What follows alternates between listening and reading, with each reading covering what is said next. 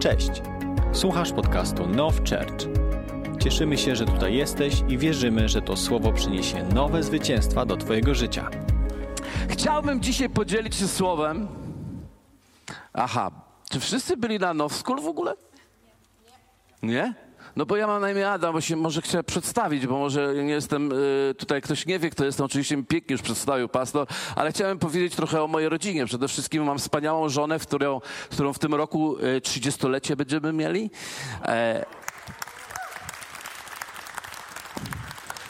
Mam wspaniałego syna, który 28, 9 jakoś teraz lat będzie kończył.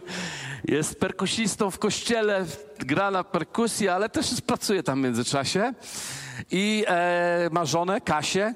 Z żoną Kasią dali mi wnuczkę. Super, jestem po prostu pod wrażeniem. Chcę wam powiedzieć, że, e, że jestem dziadkiem normalnie i okazuje się, że dziadkiem wcale nie jest tak źle być. Troszkę jest trudniejsza świadomość, że człowiek śpi z babcią, ale też nie jest źle. Amen. No i co, mam syna średniego, Daniela, który jest futbolistą amerykańskim, gra w Panthers Wrocław, też w narodowej drużynie e, futbolu amerykańskiego, takiego innego futbolu niż naszego. To znaczy, my ponoć nie mamy futbolu. My mamy soccer. Ale e, gra moja córka Julia, 23 lata. Boże, ja, zawsze żona mi każe to mówić, więc ja próbuję obliczyć te lata wszystkie i jakoś dać, dawać radę, ale chyba mi się udało.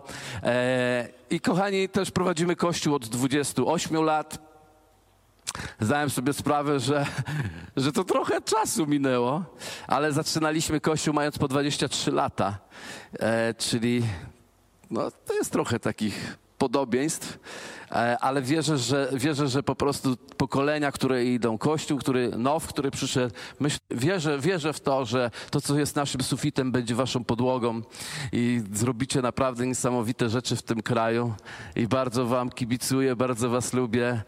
E, Jakub, to jest niezły gość. To jest, to jest super facet. Wczoraj nie mogliśmy przestać gadać. E, no i cieszę się z naszej relacji. Chciałbym to publicznie tu powiedzieć i do tych, co oglądają z różnych powodów. Cieszę się. Amen. Dobrze, wejdę w słowo. Słuchajcie, chcę dzisiaj mówić o czymś e, niesamowitym. Chcę powiedzieć o tym, jak nie utracić, właśnie nie wiedziałem, jak to nazwać. Masz czasem problem z nazwaniem kazania? Ty nie nazywasz, no i dobrze. Ale ja, ja mam taką rozbudowaną nazwę. Jak nie utracić wizję w swoim życiu, wizji w swoim życiu i jak nie utracić, ale dojść do zrealizowania marzeń w swoim życiu. I chcę dzisiaj powiedzieć o tej sile, którą jest, którą są marzenia. I diabeł zrobi wszystko, żeby nam zabrać i podkopać i wykraść marzenie i też wykrać wizję, którą mamy od Boga. I zestawiam to razem, dlatego że jestem przekonany, że Bóg nie stworzył nas z jakimiś wewnętrznymi pragnieniami, marzeniami, ale nagle mówi tak: masz takie marzenia, w życiu, marzy ci się, nie wiem, żebyś miał taką rzecz w życiu, żebyś zrobił takie rzeczy, ale ja mam dla ciebie wizję i to musisz zrezygnować z tego i na rzecz po prostu wizji, którą mam dla ciebie, musisz teraz to, to wszystko oddać. Mnie takiego chrześcijaństwa kiedyś uczono, że trzeba zrezygnować z tego, co pragniesz, żeby chwycić to, co Bóg pragnie, bo Bóg akurat stworzył cię z tym pragnieniem, ale zrobił ci taki numer, że On ma inne pragnienie i teraz masz kukuryku. A tak nie jest, dlatego że Bóg połączył i stworzył, przygotował nas przed założeniem świata. Znał nas, znał nas po imieniu, miał swój plan dla nas, plan, który za, zaproponował w nas i zaprojektował w nas, żeby to, co On chce od nas, żeby było tym, czego my chcemy w nas. Zrozumiane? Okay. okay. Gdzie jestem? Gdzie jestem w tej chwili? W jakim kościele jestem? A, w Now Church jestem. Aleluja. Pokażcie, czy umiecie powiedzieć głośny amen. A, halleluja. I to jest dobra nowina, dlatego że to, co my pragniemy w nas, Bóg na tym wbudował już zaczątek, przedsmak wizji, którą ma dla nas.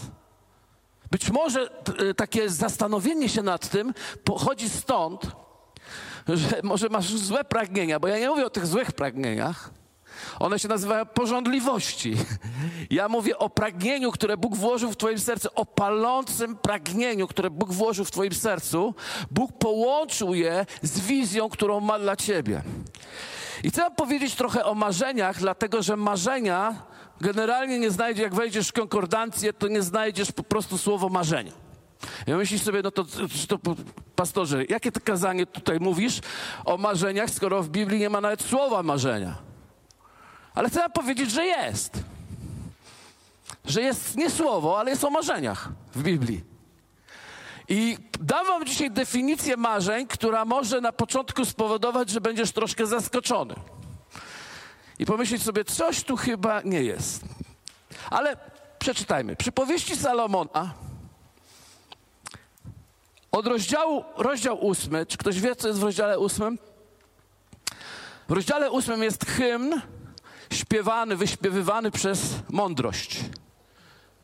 Mądrość jest tutaj pokazana jako kobieta, jako niewiasta, piękna niewiasta, która opowiada, kim jest dla Boga.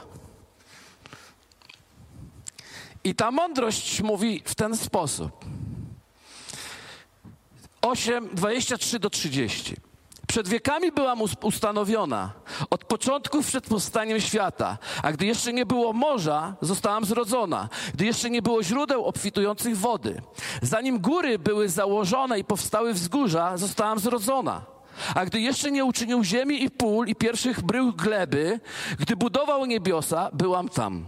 Gdy odmierzał krąg nad powierzchnią toni, gdy w górze utwierdzał obłoki i wyprowadzał z toni potężne źródła, gdy morzu wyznaczał granice, aby wody nie przekraczały jej rozkazu, gdy kładł podwaliny ziemi, uważajcie teraz, ja byłam u jego boku mistrzynią, byłam jego rozkoszą dzień w dzień i grając, dosłownie tańcząc, przed nim przez, ca przez cały czas. Pomyślcie przez chwilę. Pan Bóg, który miał stworzyć świat.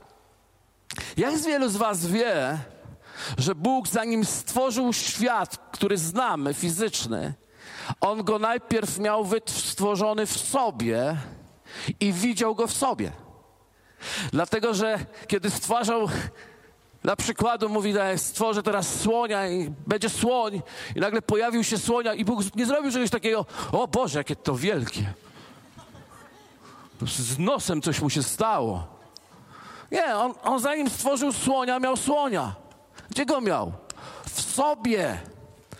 W swojej wyobraźni. On go miał, miał, miał drzewo, zanim powstało drzewo.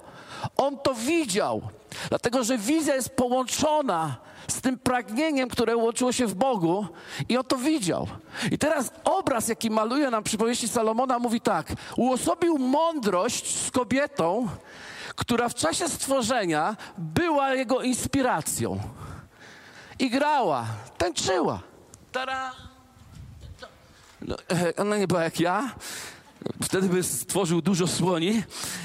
E, ale była przecudowna co mi o tym, co, o, o czym mi to mówi? O tym, że Bóg siedzi na swoim tronie i tworzy obraz, który jest podyktowany mądrością, a mądrość, zobaczcie, gra tą rolę tutaj, marzeń. Mądrość dla mnie jest równoznaczna z marzeniami, które Bóg w nas składa. Ktoś powie, no przecież no bez przesady, jak? Mądrość to przecież takie, wiecie, tutaj w głowa, analiza i tak dalej. Nie, nie, nie, bo mądrość Boża jest głupstwem dla świata. To świat tak myśli, że mądrość to taka analiza, mm, ja wszystko wiem, rozumiem, tu przeliczyłem, policzyłem, wyliczyłem, zapłaciłem. Nie, nie, z punktu Bożego widzenia jest inaczej. Mądrość wkładana jest przez marzenia w ciebie. Życie ja, ja mówię prawdziwe życie. Życie spełnione rozpoczyna się od kroku w wyniku pragnień i marzeń, które Bóg włożył w Twoje serce. Ja wiem, że myśmy wszyscy wyrośli na takim, na takim e, elemencie, że e, no, ktoś nam musi powiedzieć to, ktoś, prorok musi przyjść powiedzieć i wtedy jak on powie, ja muszę ze wszystkiego zrezygnować i za tym pójść, bo to na pewno będzie e, kosztowało. Słuchajcie, cena nie jest w tym, żeby wyrzekać się tym, kim jesteś. Cena jest w tym, żeby utrzymać to, co Bóg ci daje i nie rezygnować z tego, co wkłada w tobie. Będzie nam szło lepiej. Uda, uda, nam się, uda nam się, uda nam się. Zaraz to się wszystko otworzy. Zaraz się otworzy. Więc innymi słowy, Bóg coś wkłada w ciebie, jesteś pewnym charakterem, jesteś pew, masz pewien smak, masz pewien, pewne talenty, masz pewne zdolności, masz pewne marzenia, masz pewne pragnienia i Bóg chce to użyć. Kochani, któregoś dnia Któregoś dnia mieliśmy ewangelizację, niedaleko pod Wrocławiem. A lata temu. Nigdy tego nie zapomnę, zawsze daję ten przykład, jest niesamowity. I wiecie, ja wtedy byłem taki młody pastor, e, nie mam tutaj nic do młodego pastora, no ale wtedy ktoś mi powiedział, tym bardziej tu nie mam nic do młodego pastora, tylko ktoś mi powiedział, że słuchaj, mamy takiego człowieka, ma takie świadectwo, no takie świadectwo, że wszyscy, no wszyscy padną. Ja mówię, no dobra, to dawać go. No i skończyło się uwielbienie, takie śpiewanie, z pełno ludzi na sali i wychodzi ten człowiek, mówi świadectwo i mówi tak. Słuchajcie, ja mam zaraz mieć ewangelizacyjne przesłanie. On mówi tak, słuchajcie, kochani, e, tam nazywam się Romek, no i chciałbym wam powiedzieć e, o mnie, jak, Bóg, jak spotkałem Pana Boga. Ale zanim spotkałem Pana Boga, ja byłem w takim e, klubie motorowym i miałem motor. Kurczę, trafił gościu od razu w sedno, bo ja zawsze marzyłem mieć motor, mi żona nie pozwoliła ale ona mi do, dawcą nerek nie będziesz. No dobra, no to nie, by, nie będę i nie jestem. No ale w każdym bądź razie siedzę sobie tak w pierwszym rzędzie, słucham i opowiada o tym motorze. I jak oni jeżdżą, jak, jakie rajdy robili przez Polskę, gdzieś do Europy, gdzieś ten. I ja tak siedzę i mówię, to może jak kupię sobie jednak ten motor, nie? Może jak skupię. Ale nagle on przychodzi do takiego momentu i mówi tak, i spotkałem Pana.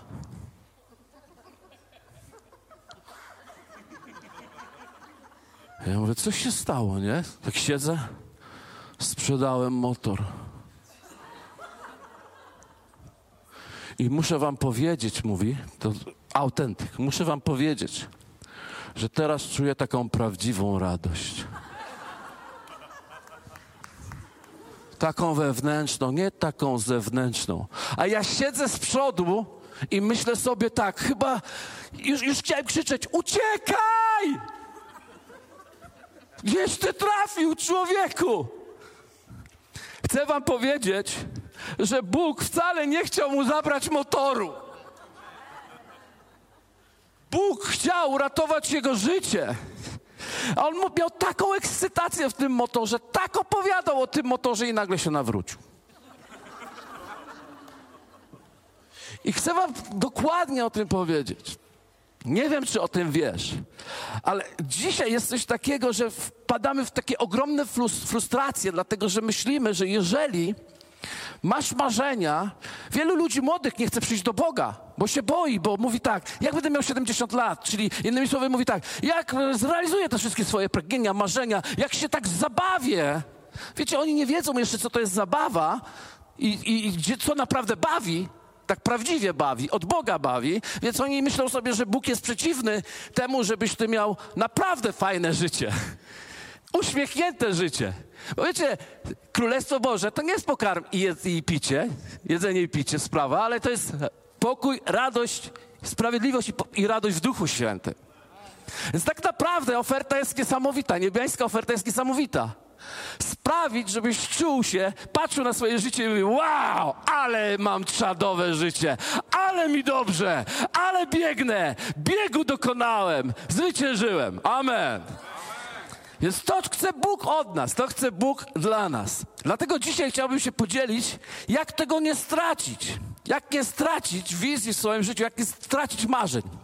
I chcę powiedzieć o Abrahamie, bo to taki jest człowiek, nasz ojciec wiary, ojciec wszystkich narodów, jak jest napisane, któregoś dnia siedział w swoim domu i przyszedł do niego Bóg i mówi tak: Chcę, żeby Twoje życie było na pełnej petardzie. On się udziela tutaj, to, słownictwo mi się udziela. Ale chcę, żebyś naprawdę był szczęśliwy. I chcę nawet, żeby ci, którzy Ciebie będą uszczęśliwiali, żeby byli też szczęśliwi. A ci, którzy nie będą chcieli Cię uszczęśliwiać, no to żeby byli nieszczęśliwi. I tak mu powiedział. I mówi, to chodź, tylko jest jedna rzecz. Chodź, ja Ci pokażę, gdzie masz iść. I Abraham poszedł za tym, bo go, e, w sumie Abram jeszcze, poszedł za tym, bo zapragnął nowej rzeczywistości, zapragnął nowej rzeczy. A tym bardziej, że usłyszał, że uczynię cię ojcem. Będziesz miał wielkie potomstwo. I będziesz miał to wszystko. I po prostu to jest coś, to ja za tym idę. Ja chcę i on poszedł. I któregoś dnia dochodzimy do 13 rozdziału pierwszej Mojżeszowej, 14 werset, mówi tak. I rzekł Pan do Abrama po odłączeniu się Lota od niego. I mamy taką tendencję, żeby szybko przelecieć do tego, co Bóg rzekł, ale może zastanówmy się przez chwilkę, co to znaczy, że po odłączeniu się Lota. Dlaczego to dopiero Bóg powiedział to po odłączeniu się Lota? Dlaczego nie mógł mu powiedzieć tego troszkę wcześniej? Kim był Lot? O co tu chodzi? Więc e, oczywiście wszyscy wiemy, kim był Lot, ale chciałbym, żebyśmy zwrócili uwagę na to, kim on był. Bo on był bratankiem Abrama. Bratankiem Abrama. Wyszedł z Abramem i to jest wysoce, wręcz e, ekstremalnie wysoce prawdopodobne, że jego ojciec Lota już nie żyje dawno. Dlaczego? Dlatego, że nie wyszedłby z Abramem, bo Abra, Abram był jego wujkiem, bratem jego taty. Zasadą tej kultury, a potem nawet ustanowione to było w prawie mojżeszowym, że brat przejmował ojcostwo nad dzieckiem, którego ojciec odszedł. Zatem chcę, żebyście zobaczyli, że kiedy słyszy Lot na temat tego, że on będzie miał potomka, kiedy słyszy Abraham, że będzie miał potomka, Lot jest naturalnym potomkiem. Ktoś powie, nie, czy, czy, to nie jest naciągane? Jeżeli otworzysz, przepraszam, ja jestem trochę taki biblijnie skażony i uwielbiam biblijne rzeczy. E, jeżeli spojrzysz na rodowody Jezusa, jak ściągnął od Adama do Jezusa, to się okaże, że większość tam nazwanych, a ten miał syna tego, a ten tego, a ten tego, że tam są połączenia właśnie tego typu. Nie bezpośrednie z lędźwi danego ojca, tylko właśnie przejęcia autorytetu nad synem po bracie, który odszedł. Więc nawet w tym rodowodzie jest to uznane za ciągłość rodowodową.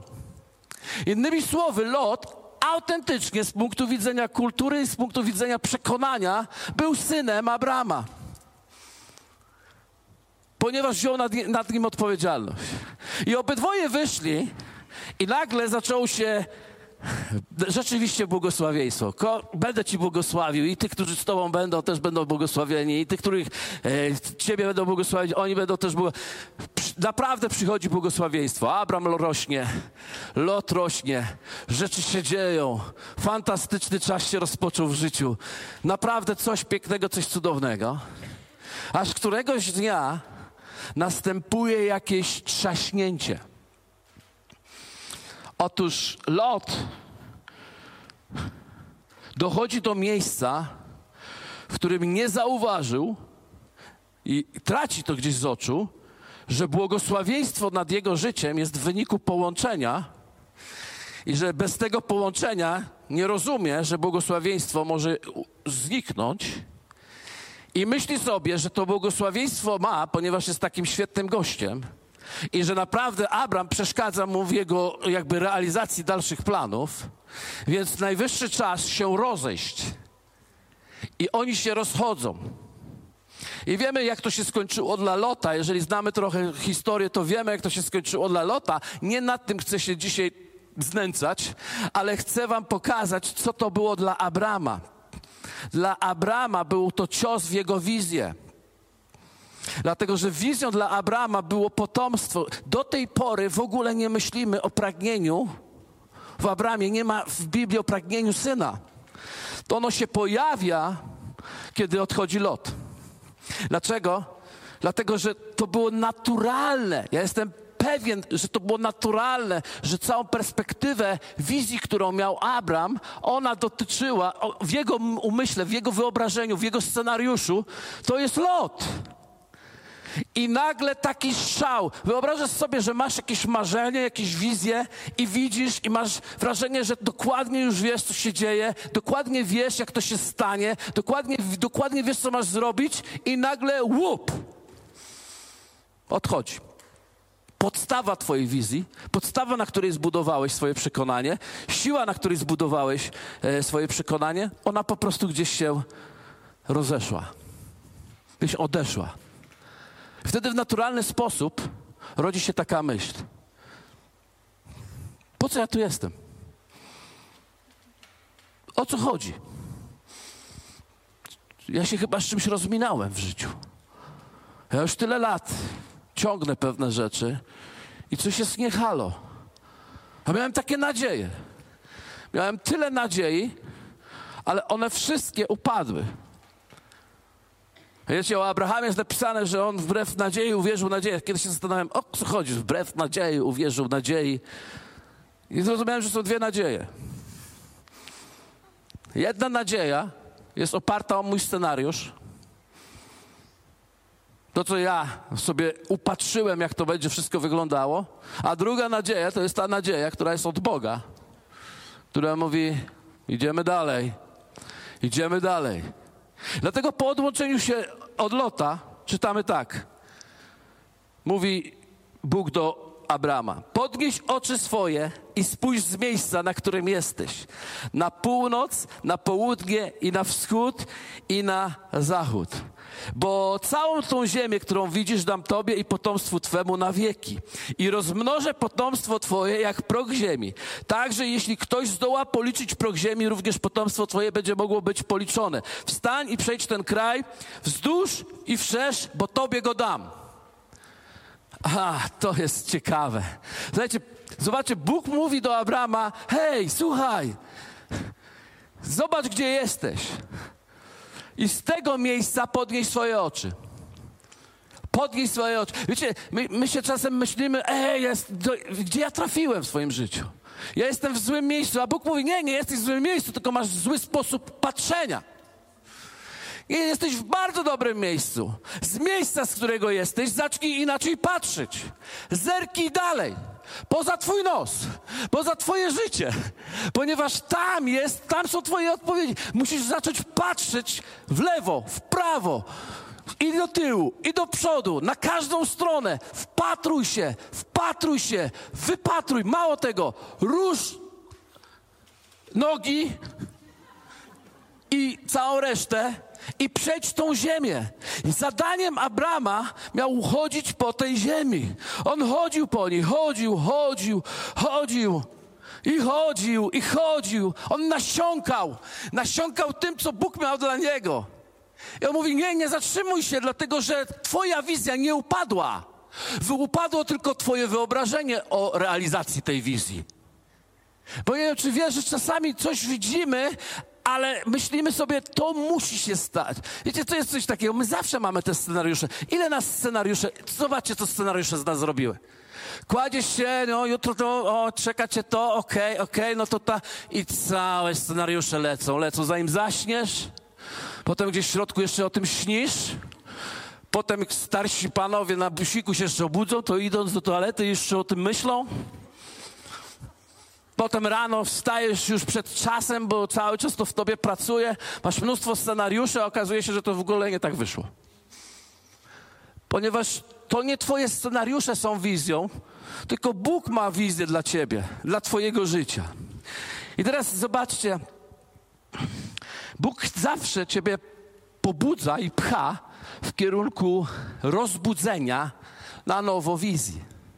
Rozbudzenia na nowo wizji. I teraz ja nie wiem, w jakim miejscu tu dzisiaj jesteś. Być może podstawa Twojej wizji gdzieś siadła. Być może tak sobie myślisz, no lata lecą, ile ja już teraz mam. Chyba będę sam. Nikogo nie ma wokół mnie. Może masz inne marzenie. Może zawsze mia- pragnęłeś czegoś, ale już widzisz, że chyba to nie wyszło. Wsadziłeś tyle pieniędzy, energii w ten biznes i chyba trzeba go zamknąć. O mama, co to teraz będzie? Chyba już tylko młodzi już dalej mogą, niech zrobią to, co ja nie zrobiłem. Wszystko pada, ale Bóg do ciebie mówi: powstań. I teraz chcę wam pokazać, kiedy Lot wyprowadził się od swojego ojca Abrama, tym momencie popadł w tarapaty. Tak jak mówiłem, nie skumał, że jego błogosławieństwo było czegoś wynikiem. Zgadnijcie czego? On wybrał lepszą zieloną stronę, bardziej z trawą, z zieleńszą trawą, a mimo to popadł w tarapaty. Został podbity przez pięciu królów. A kiedy został podbity przez pięciu królów, zgadnijcie, co zrobił Abram. Natychmiast wstał. Bo wiesz, jak się jest ojcem, to się jest, uwierzcie mi, ojcem do końca życia. Nieważne, gdzie się znajdziesz po latach, zawsze będziesz, będziesz, będziesz tym, kiedy ojciec prawdziwy przybędzie, żeby cię ratować z oparów. Więc kiedy on usłyszał, co się wydarzyło, pobiegł za Lotem, wybrał się za nim i pokonał pięciu królów. Pokonał pięciu królów, bo nad nim było namaszczenie.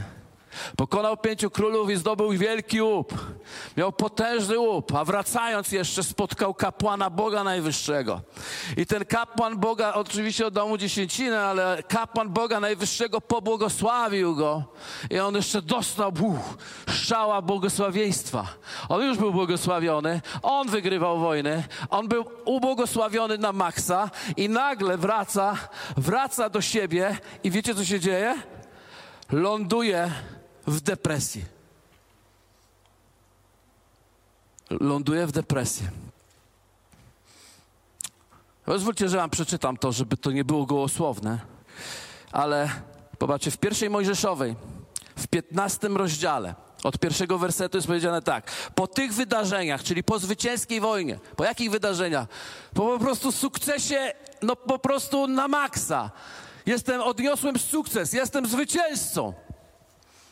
Jesteście ze mną. Jesteś zwycięzcą.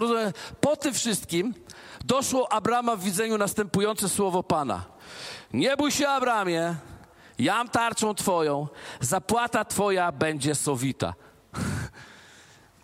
Nie dość, że mam sukces. Nie dość, że błogosławieństwo na mnie poszło.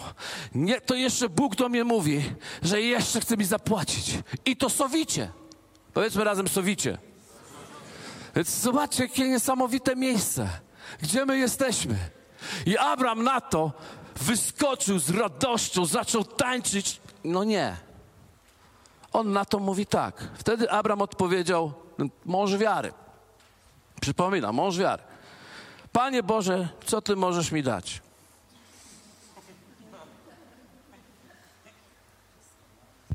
Gdyż ja schodzę bezdzietny, i teraz to jest, to jest mocne, a dziedzicem domu mego będzie Eliezer z Damaszku. Wiecie, kto to jest Eliezer z Damaszku? Ja też nie wiem. Ale to już źle brzmi. Ja nie chcę Eliezera z Damaszku. Ja chcę mojego, już dawno wiem, ja chcę mojego Izaaka, a nie jakiegoś Eliezera z Damaszku. Widzicie, że kiedy Lot, mówicie, kiedy on zwyciężył, on odniósł sukces, to Lot, Lot niestety nie wrócił do niego, nie chciał. Więc ta deprecha go dopadła i on sobie to obliczył jakimiś koligacjami. Tutaj już żaden mój brat nie ma syna i tak dalej. I mu wyszło Eliezer z Damaszku. To w online idzie, ale... Bo mu wyszło dupa blada, no. Dosłownie mu tak wyszło. Czyli dlatego on siedzi i ten mąż wiary mówi, Boże, co ty możesz... On do Boga mówi, Boże, co ty możesz mi dać? Ja schodzę bezdzietny. Wiecie, co mi to mówi? Że ja mogę odnieść wielkie sukcesy chrześcijańskie. Mogę być największym mówcą konferencyjnym. Mogę, nie wiem, być podziwiany. Mogę zarobić dużo pieniędzy, albo biznes może mi wypalić i wszystko mogę mieć, wszystko, wszystko ale jest coś, i wydaje mi się, że to ma każdy, kto tutaj jest i każdy. Jest jakaś taka rzecz, która jest w nas, że jeśli ona się nie wydarzy w nas, to całe sukcesy są blade i nie mają najmniejszego znaczenia.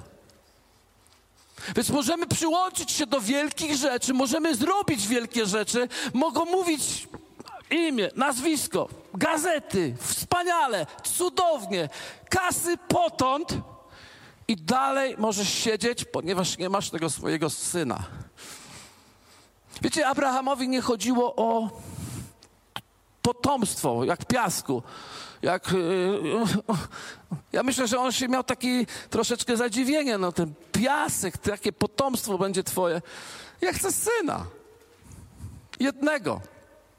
Jednego. Więc mogę mieć dużo pieniędzy, mogę mieć dużo rzeczy, ale jak nie mam tego, co jest włożone we mnie w pragnienia, to po prostu nie przeżyję. I wiecie, Abraham zrobił fajną rzecz.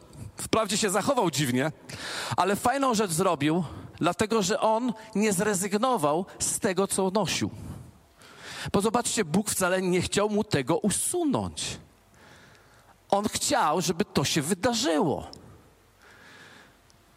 Więc potrzebował sprawić, żeby Abram nie odrzucił wizji, nie odrzucił marzenia. Ja nie wiem, w jakim miejscu tutaj dzisiaj jesteś, ale myślę sobie, że są rzeczy, które wiesz tylko ty.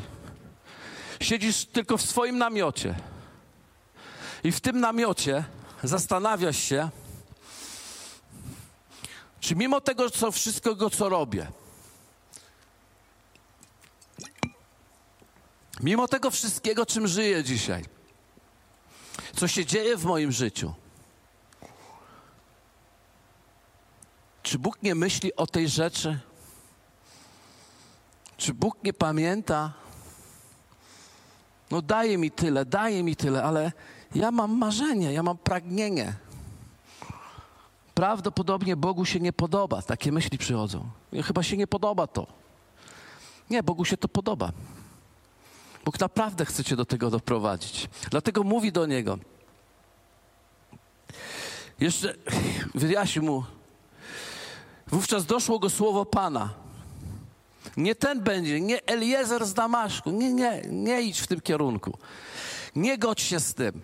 Eliezer z Damaszku to jest pogodzenie się z tym, że dla ciebie to już nigdy nie będzie możliwe.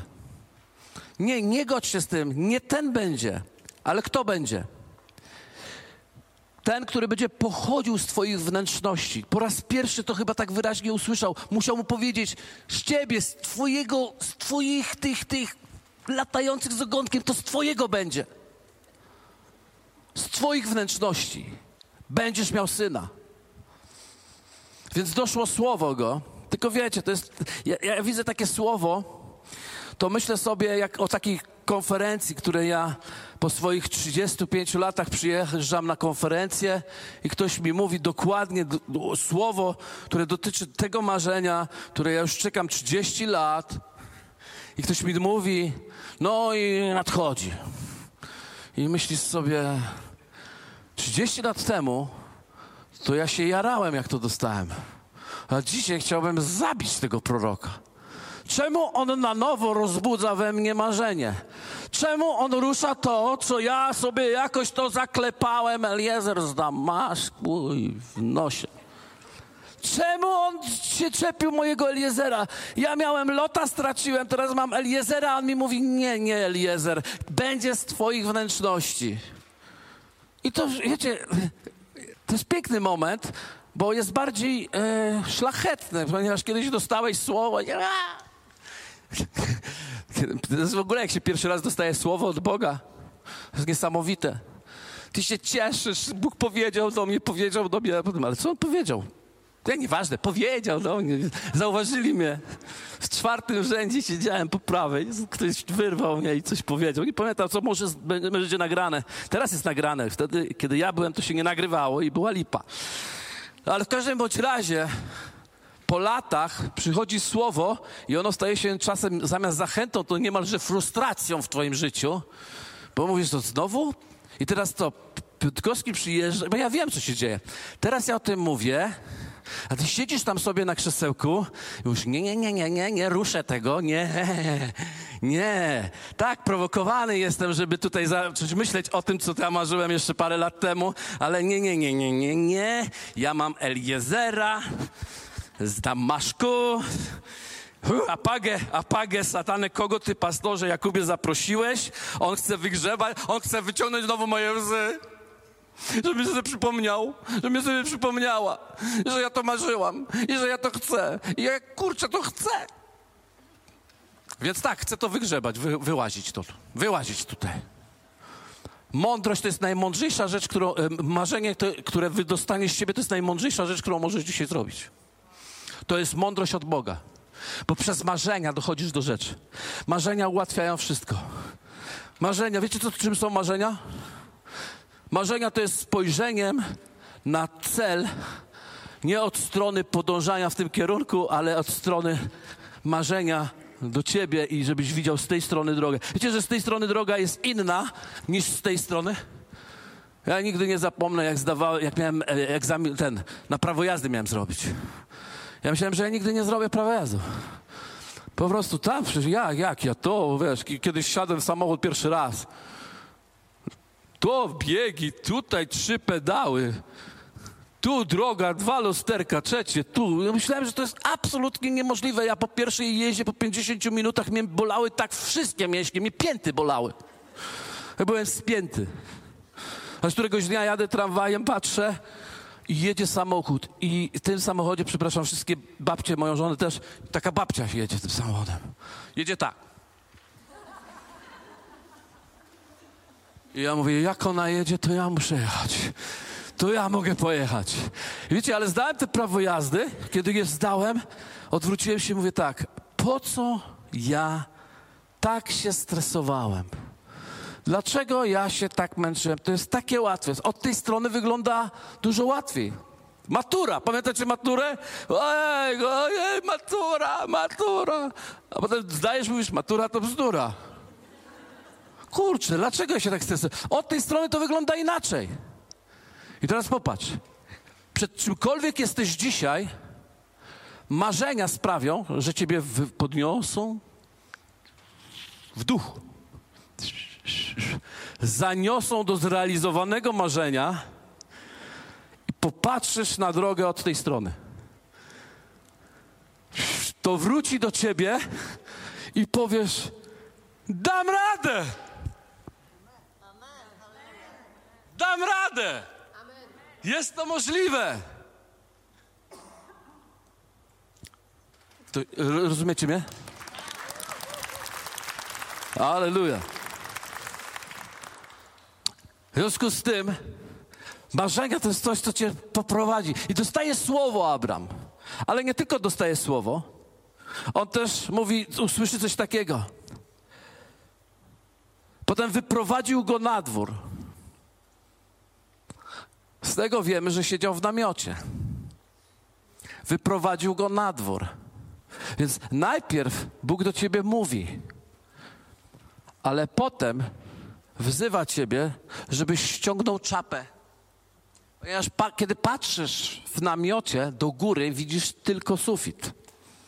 Dlatego musisz wyjść na dwór i pozwolić sobie na marzenia każdy z nas zrobił ten sufit w swoim życiu.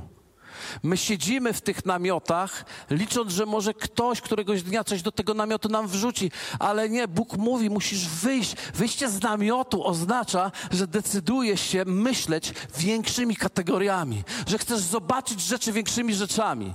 I wyszedł na dwór i nagle mówi mu tak: licz gwiazdy, licz gwiazdy. I on mówi tak, a wiesz, Abraham był posłuszny, Abraham był posłuszny, więc liczył gwiazdy. I liczył tak, jeden, dwa, trzy, no naprawdę, ja uważam, że liczył. I tak 657 i coś mu mrugnęło, coś mu prześwitnęło i mówił, o, zgubił się. I spróbował jeszcze raz. I tak się rozciągał, rozciągał. Wiecie, ja, ja wiem, co to znaczy gwiazdy. Ja miałem taki taras Miałem, jedno, miałem takie mieszkanie z takim tarasem i lubiłem tam chodzić, tam miałem takie leżankę. Kładłem się na nią, jak było przejrzyste niebo, to ja patrzyłem w gwiazdy. I ja wiecie, wtedy zrozumiałem, o co chodziło. No bo on licząc te gwiazdy nie mógł je policzyć i wtedy uwierzył Bogu. Uwierzył Bogu wtedy, kiedy nie mógł policzyć gwiazdy, próbował je policzyć, bo Bóg mu powiedział, tak liczne będzie twoje potomstwo. To ja cię Boże proszę o jednego, a ty mi mówisz, że będzie jak gwiazd na niebie i ja mam w to uwierzyć, a on w to uwierzył. Dlaczego tak się stało? Dlatego, że kiedy poszerzał jego perspektywę, Wiecie, nie możesz myśleć o swoim marzeniu, jeśli nie masz szerszej perspektywy. A ta szersza perspektywa to jest wizja, którą Bóg chce włożyć w Twoje życie. Wiecie, Abraham nigdy nie doszedł do większej ilości, nie doszedł do tych wszystkich pokoleń. On nigdy nie, tego nie dożył. On miał tylko zapoczątkować wizję dla narodu i to się stało dopiero wieki, wieki później ale on potrzebował mieć rozszerzoną perspektywę, on potrzebował mieć wizję od Boga. Więc zobacz, twoje marzenie syna Izaaka nie jest tak naprawdę złe, ono jest wspaniałe. Ale problem jest, że wisisz tylko na tym. Musisz podnieść swoją głowę i zacząć liczyć gwiazdy. Zacząć szukać, co Bóg ma dla ciebie, bo w tym, co Bóg ma dla ciebie, jest ukryte to, co, co jest Twoim pragnieniem co jest w tobie. Powtarzam to, co na początku powiedziałem. Tym, co Bóg ma dla ciebie, jest ukryte to, co jest w tobie. I to się naprawdę, naprawdę wydarzy. Dlatego, kiedy on liczył gwiazdy, doszło go, uwierzył Bogu i zaczął iść za tym. Więc jak nie utracić wizję? Rozbudzaj ją cały czas. Rozbudzaj, nie poddawaj się rozbudzaj. Ja wiem, lata lecą, ale wiecie, Abraham miał prawie 100 lat. 100 lat. I on wbrew nadziei uwierzył nadziei. On nawet patrzył na martwe łono Sary i uwierzył, że jest to możliwe. Hmm? Dlatego my musimy, nieważne ile masz lat, Bóg ma fantastyczny timing. Uwierz mi, On ma fantastyczny timing. Nie, nie rozmijaj się w tej drodze, którą teraz podążasz. Nie rozmijaj się z tym, ponieważ kiedy to się stanie, jednej rzeczy, kiedy Twoje marzenie się zrealizuje, jednej rzeczy, której będziesz w życiu całe życie żałował, to to, w jakiej postawie szedłeś do tego miejsca.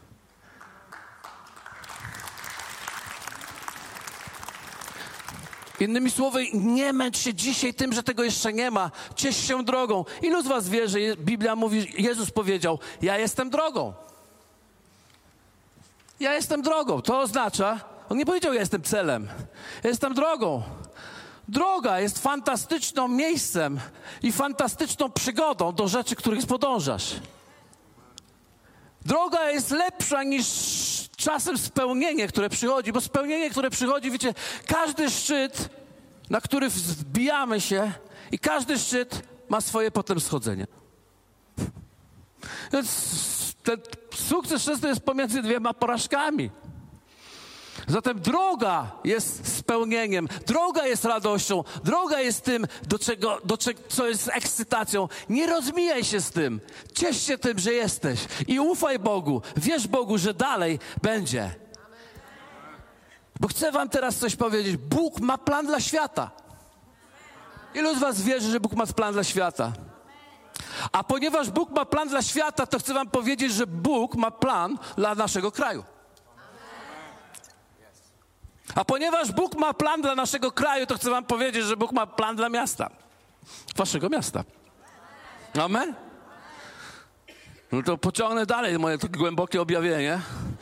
Ponieważ Bóg ma plan dla waszego miasta, to Bóg ma plan dla waszego kościoła. A skoro ma plan dla waszego kościoła, to ma plan dla twojej rodziny. Coraz gorzkie idzie, widzicie, gdzie zmierzamy? A skoro ma plan dla waszej rodziny, to ma plan dla ciebie.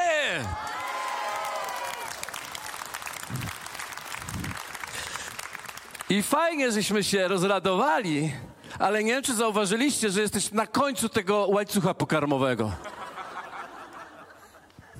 Bóg patrzy kategorią świata i oczywiście sięga do ciebie ale przez cały ten proces Więc kiedy ty tu jesteś z tym swoim pragnę, to zacznij pragnąć Jego pragnieniami, zacznij liczyć gwiazdy, oszalej na punkcie tego, co On chce, a stanie się to wszystko, co Ty chcesz. Amen. Więc rozbudzaj, rozbudzaj, rozbudzaj. Druga rzecz, nastaw się na długi dystans. To, to nie jest fast track, to nie jest coś, co szybko po prostu się wydarzy. My potrzebujemy zrozumieć, że ze wszystkich otrzymanych obietnic, których miał Abram, ze wszystkich otrzymanych, stała się tylko jedna. Chwała Bogu, że akurat marzenie. Amen? Ale to jest długa droga. Wiecie, kiedy ja w 2000 roku dostałem wizję Wrocław dla Jezusa, Ktoś do mnie podchodził, który kiedyś mówi, no i co, i co, już, już, dru, już drugie tyle, co żyjesz, minęło, i co, i co z tym Wrocławiem, jak tam ci idzie? Kaszydera, wiecie, no jak ci idzie? Ja mówię, ja nie wiem, gdzie ja zajdę. Ja wiem, że jestem częścią. Ja wiem, że, że, ja wiem, że to jest od Boga. Ja nie wiem, ile zrobię, ale zrobię to, co zrobię. Ja, ja, chcę ci powiedzieć, ja już mam swojego Izaaka. Czyli jest wszystko ok. Ja naprawdę już czuję się spełniony. Czuję się naprawdę spełniony. Ja do żony mówię, a Agnieszka, ja mogę już odchodzić. Kłócimy się, kto z nas pierwszy. Naprawdę, bo już opowiadaliśmy, jak ma pogrzeb wyglądać. Wiecie, ja się, ja się nie pakuję, nie chodzi, o, wiem, jak mówi się o takich rzeczach, o może, ojej, o, o, jakby śmierć była... Słuchajcie, śmierć jest przereklamowana przede wszystkim. Śmierć jest przereklamowana, nie jest taka straszna, jak nam się wydaje. Paweł powiedział, gdzieś jest śmierci twoja gęba, yy, oścień, tak? Gdzie to jest? To nie jest takie straszne, to jest nor normalne. Perspektywę musisz mieć, jeżeli chcesz mieć dobre, doczesne życie, musisz mieć perspektywę wieczną. I cieszyć się tak samo jak doczesnością. Więc nie wszystko od razu. Wiecie, co się stało z Abramem? Dwie rzeczy się stały. Dostał swojego Izaaka, ale jeszcze fajniejsza się stała. Jeszcze fajniejsza. Nie wiem, czy wiecie, wie, wiecie. On z Abrama stał się Abrahamem. Super, nie?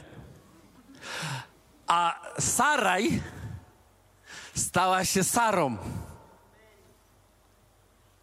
Normalnie mnie rozpiera. Wiecie, nie to, co osiągnął, okazało się najlepszym, ale to, co, kim się stał, próbując osiągać. Twoje przeznaczenie nie jest w tym, co zrobisz. Halo? Twoje przeznaczenie jest w tym, kim się staniesz robiąc.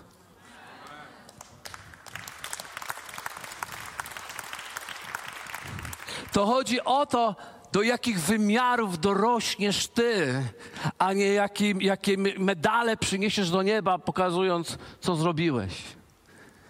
Więc wszystko chodzi o ciebie. Ludzie pytają, czy jest, jak się nie rozwinąć ze swoim przeznaczeniem, jak się nie rozwinąć. No, nie jesteś w stanie się rozwinąć ze swoim e, przeznaczeniem. Dlaczego? Dlatego, że wszędzie, gdzie jesteś, tam jesteś.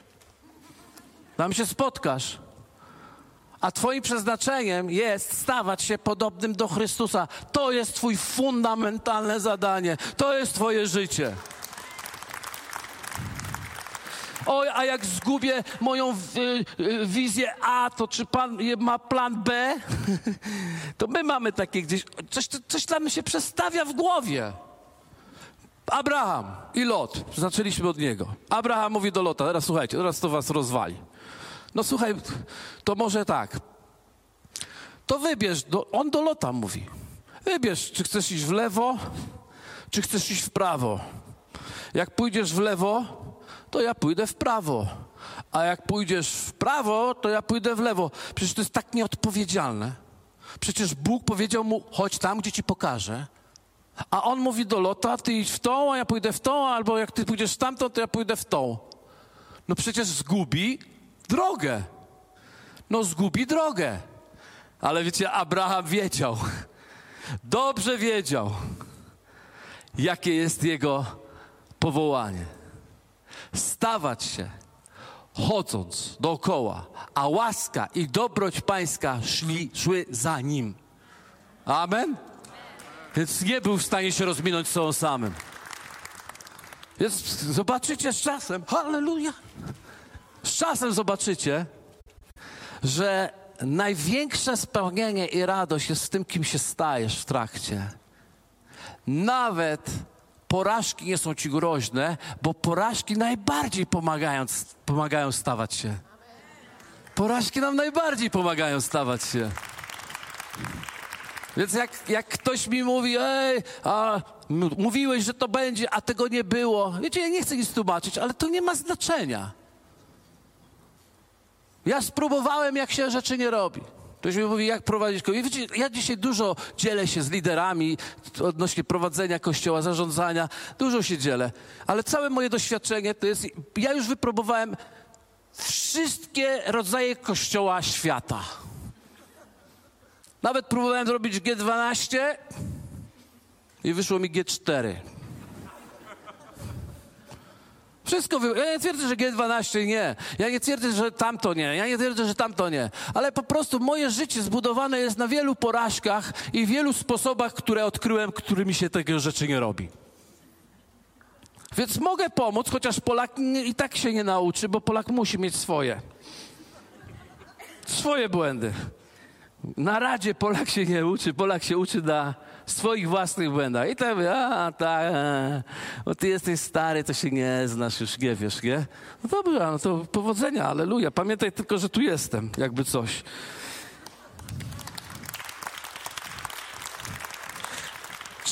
I ostatnia rzecz, przygotuj się na presję. Przygotuj się na presję. Dlaczego? Dlatego, że Boża wizja zawsze będzie miała presję. Boża wizja zawsze będzie miała presję, ale wiesz, kiedy jest presja, to jest najlepszy moment, ponieważ przez przechodzenie przez presję oddajesz Bogu chwałę. Bóg, Jakub mówi tak, e, list do Jakuba mówi w ten sposób, że za najwyższą radość Najwyższą, nie jakąś tam zwykłą. Za najwyższą radość poczytujcie sobie to, ilekroć przechodzicie różne rakie próby, bo one was tworzą. Widzicie, jaki jest nasz cel życia? Tworzy coś nas. Coś nas kształtuje. Wytrwałość nas tworzy. Wytrwałość w wierze. Wytrwałość w marzeniach. To nas tworzy. Co tworzy? Presja, ciśnienie, testy, które przychodzą na nasze życie. Więc nie krzycz ała, ała, ała. Mów chwała, chwała, chwała. Bo to wytworzy w tobie życie. Presja jest zawsze. Pamiętam, kiedy w 2007 roku już byliśmy mega churchem polskim. Mieliśmy 200 osób. W 2007. 200 osób. 2007. Możesz sobie wyobrazić 200 osób. 2007. Spotykaliśmy się w Holiday Inn sali konferencyjnej. Ja wiem, że dzisiaj to nie robi żadnego wrażenia, ale uwierzcie, pamiętam, to były czasy, kiedy się na papierze y, farbką pastelową pisało ewangelizacja o tej godzinie tu i tu, a myśmy byli w Holiday Inn.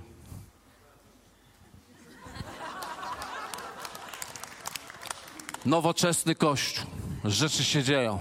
Stworzyłem chór, bo byłem w Ameryce, zobaczyłem, jak chóry wyglądają. Takie była głupoty wtedy były w mojej głowie. Wszyscy byli w tych samych ubrankach.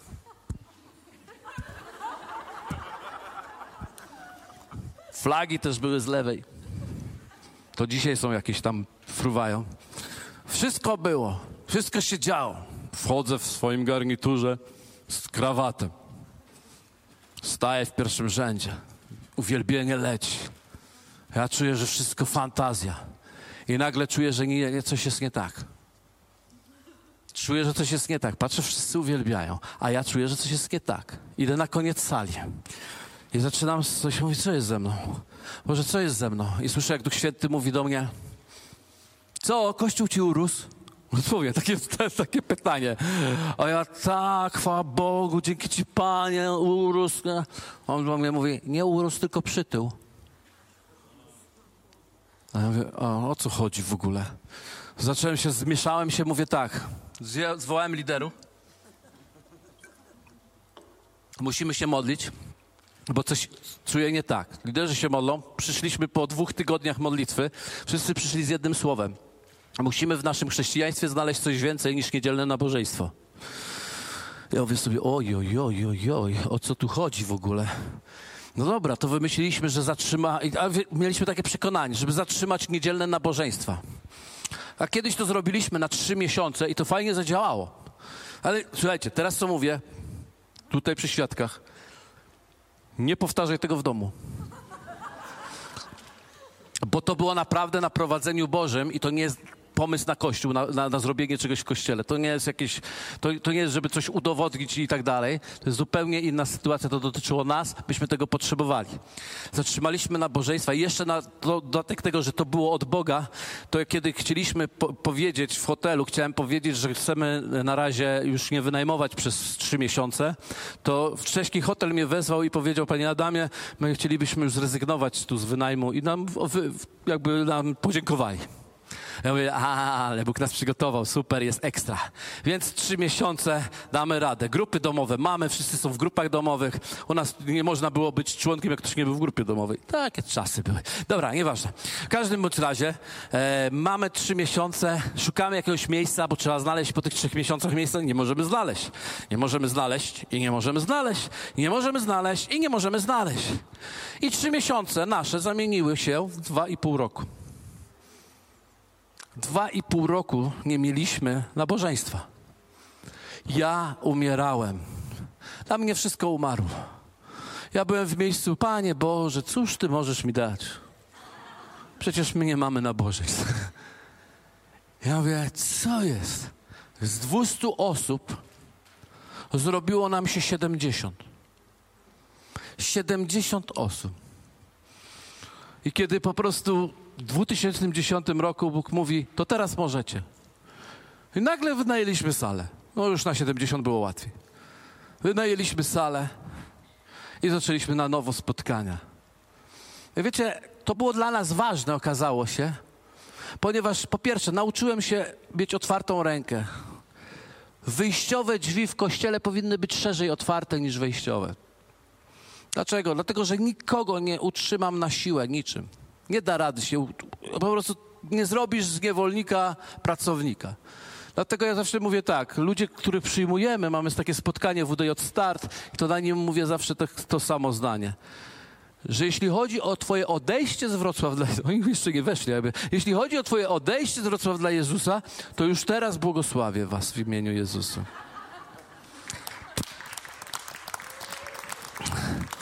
Proszę was tylko, żebyście dali mi znać, żebym ja nie myślał, że jest tak, a jest inaczej. Z tym jest też problem, ale no taka prosta rzecz, tylko żeby, żeby po prostu dali znać. To jest pierwsza rzecz, którą się nauczyłem, ale druga rzecz, stało się coś niesamowitego. Ta siedemdziesiątka, co została, to jest takie było typ, totalne DNA Wrocław dla Jezusa. My od tego wystartowaliśmy. Dzisiaj mamy, przebiliśmy pier pierwszą pięćsetkę. Przybiliśmy 500 osób w kościele. Nie... I chwała Bogu. Mamy oczywiście kolejne wyzwania i kolejne wyzwania. I wszystko jest pod presją. Okazuje się, że można mieć 500 i dalej mieć presję. Dlaczego? Dlatego, że wizja zawsze będzie pod presją i się nie przejmuj presją. Bóg cię poprowadzi przez to. My wędrujemy, cały czas wędrujemy. Jako Kościół nie mamy swojego miejsca. Jesteśmy największym kościołem w Polsce z tych kościołów, które nie mają swojego miejsca. I ciągle jesteśmy na zawieszeniu, bo nam na przykład nagle zrobią covidowy szpital w miejscu, gdzie się spotykaliśmy. Albo to. Pod jakim sytuacją wy jesteście? Dzisiaj tu jesteście, jutro nie wiadomo. To jest rodzaj presji. To nie jest coś takiego. Oczywiście nie wszyscy ją mają, pewnie pierwszy rząd ma. Ale to jest rodzaj presji, ale presja jest naszym sprzymierzeńcem. To jest naprawdę coś, co nas kształtuje. My musimy siedząc tutaj, nawet ciesząc się, że się rzeczy dzieją, tak? Siedząc tutaj, ciesząc się, że się rzeczy dzieją, tu z tyłu głowy jest coś, w którym ty ciągle musisz poddawać i ufać Bogu. Tak, Panie, tak, ufam Tobie, ufam Tobie, ufam Tobie, ufam Tobie. I na tym polega życie. Syn człowieczy, a nim też jesteś, nie ma gdzie głowy schylić w kamień, żeby odpocząć. w tym wymiarze. I to jest naturalne. Więc pozwól i, i uwierz, że ciśnienie to nie jest diabeł, to niekoniecznie jest diabeł, to jest okazja, żeby stawać się Abrahamem.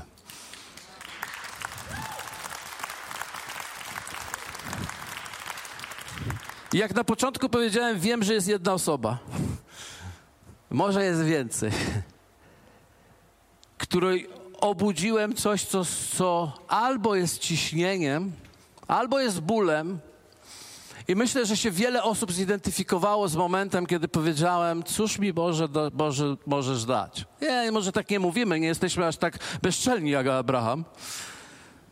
Ale gdzieś w sercu mamy coś takiego. No fajnie, że rzeczy się dzieją. Fajnie, jesteśmy tu w Nofie, tam w Udejocie. O super, no to naprawdę... To, no, o, wszyscy, o, jesteś z Nofu, a, od tego, od tego Kamińskiego, no od tego Kamińskiego, nie? Albo od tego Piątkowskiego, albo jesteś od tego Piątkowskiego. No różnie są emocje. Ale wiesz, że fajnym, na pewno jesteś w miejscu nieobojętnym. Ale jednak jest coś, co jak gasną światła reflektorów, jesteś na swojej poduszeczce pod swoją kołderką czasami, to może tam lecą nieraz te łezki, bo myślisz sobie, kurczę, szkoda, że nie mam, nie ma tego, co pragnąłem, żeby było. Nie dlatego, że gdzieś źle trafiłem, zobaczcie, nie chodziło o to. Jest coś, co ciągle z nas nosimy. I ja dzisiaj przyszedłem z tak pokornie, naprawdę, pokornie przyszedłem w tym temacie. Z prośbą, abyś jednak nie rezygnował. I abyś otarł łzy, podniósł głowę i popatrzył na wszystkie strony, zaczął liczyć gwiazdy, pozwól sobie na komfort marzeń, nie odpuszczaj, bo Bóg ma to dla ciebie. Bóg ma to dla ciebie. Więc chciałbym poprosić, żebyśmy powstali, jeśli mogę prosić. Bo może jest ta jedna osoba, ona potrzebuje troszkę odwagi.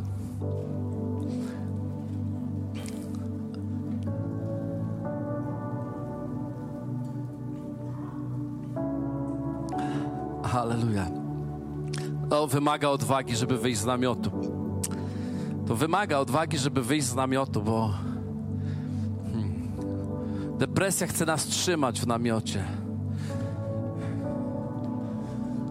Ale w marzeniach jest Twoje życie. Dlatego chcę Cię prosić o odwagę. Zanim cokolwiek Cię poproszę, to, to chcę się tutaj z tego miejsca pomodlić, Duchu Święty. Proszę Cię w imieniu Jezusa o to, żebyś teraz przyszedł do każdej osoby na tym miejscu Panie, dobrze znasz, co w naszych sercach jest, dobrze znasz, co jest w nas. Ja wiem, że dzisiaj to kazanie mogło zabrzmieć w tym naszej ciśnieniu. E, zapłata Twoja będzie sowita. Aleluja. I to mogło nas wręcz na początku wręcz trochę zbulwersować, bo nie chcesz tego już dotykać. Ale Bóg naprawdę prosi Cię, wyjdź, wyjdź z namiotu bo nie ten będzie dziedzicem Twoim, nie to, co jest, nie w miejsce, w którym się jakby zakopałeś, będzie Twoją odpowiedzią, ale ten, który z Twojej wnętrzności, z wnętrzu Twoim jest to marzenie, ono wyjdzie i mam dla Ciebie. I wiem, że przychodzą odpowiedzi. Mam nawet takie przekonanie, że ktoś tu dzisiaj przeżywał bardzo mocno w czasie uwielbienia właśnie ten element i wie, że, że kocha Boga, że jest z Bogiem szczęśliwy, ale w czasie uwielbienia bolało go, dlatego że, że jednak ciągle gdzieś te marzenie gdzieś się przebijało i, i, i czujesz, czułeś, czułaś, że musisz z niego zrezygnować, a Bóg mówi, nie, nie rezygnuj, bo Cię widziałem, widziałem Twoje łzy, widziałem Twój ból, widziałem Twoje pragnienie, widzę tą frustrację. Dlatego wyjdź z namiotu. Jeżeli jesteś tą osobą, to chcę, żebyś podszedł tu do przodu. Jako akt wyjścia z namiotu, po prostu. Ponieważ On chce coś uczynić w Tobie. Aleluja. O, la Wyjdź z namiotu.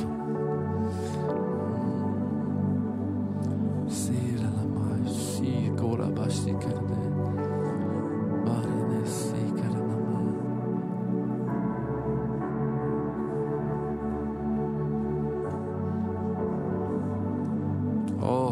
rabashi, ale oj, ale jest święta, święta chwila, naprawdę. Uh.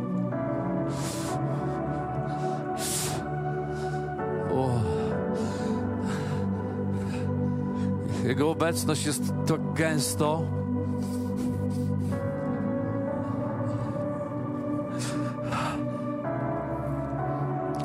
Czuję ten ból. Czuję ten ból.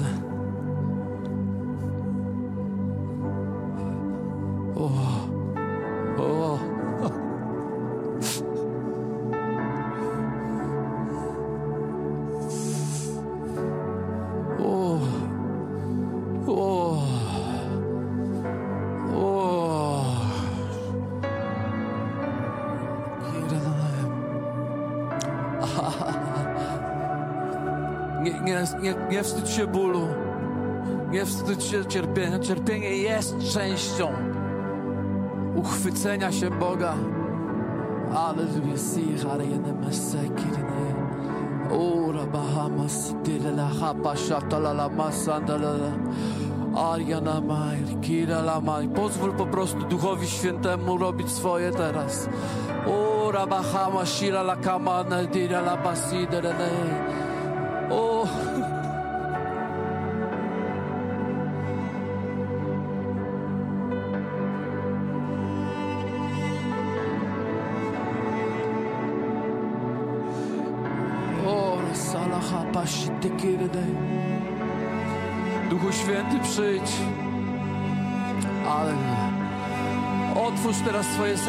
Przed nim.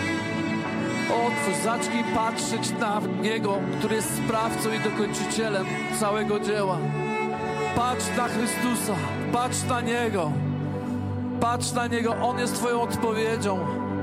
On jest tym, który przychodzi z odpowiedzią do Twojego marzenia, Twojego pragnienia. Aleluja. I wiem, że mówię do kogoś.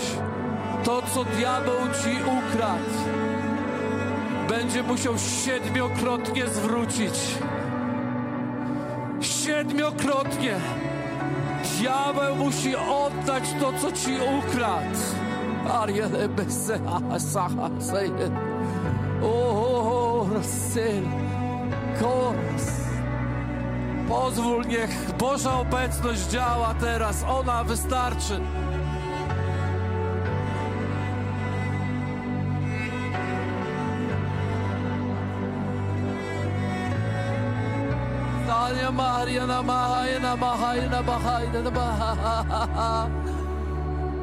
Teraz w gwiazdy.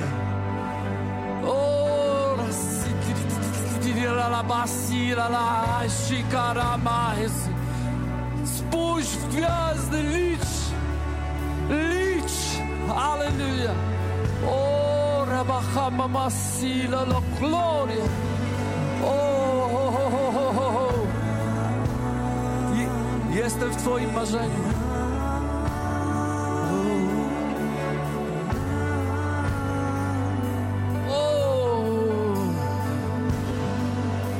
Niech zacznie tańczyć przed Tobą na nowo.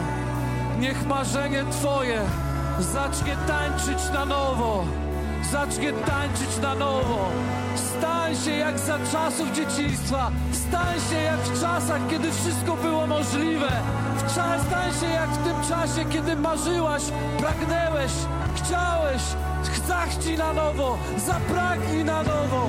Masz na nowo, masz. Otwieram dzisiaj drzwi. Otwieram dzisiaj przestrzenie.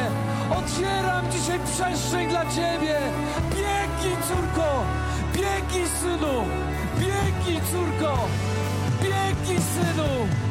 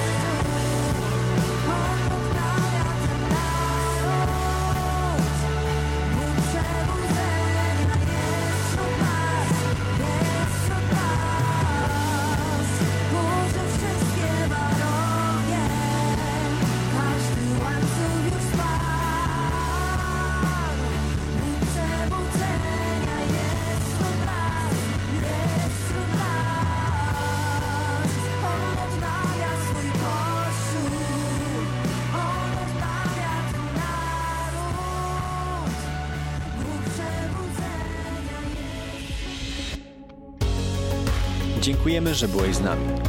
Jeśli chcesz dowiedzieć się więcej o naszych działaniach lub nas wesprzeć, zapraszamy Cię na www.nationsonfire.org ukośnik nowchurch.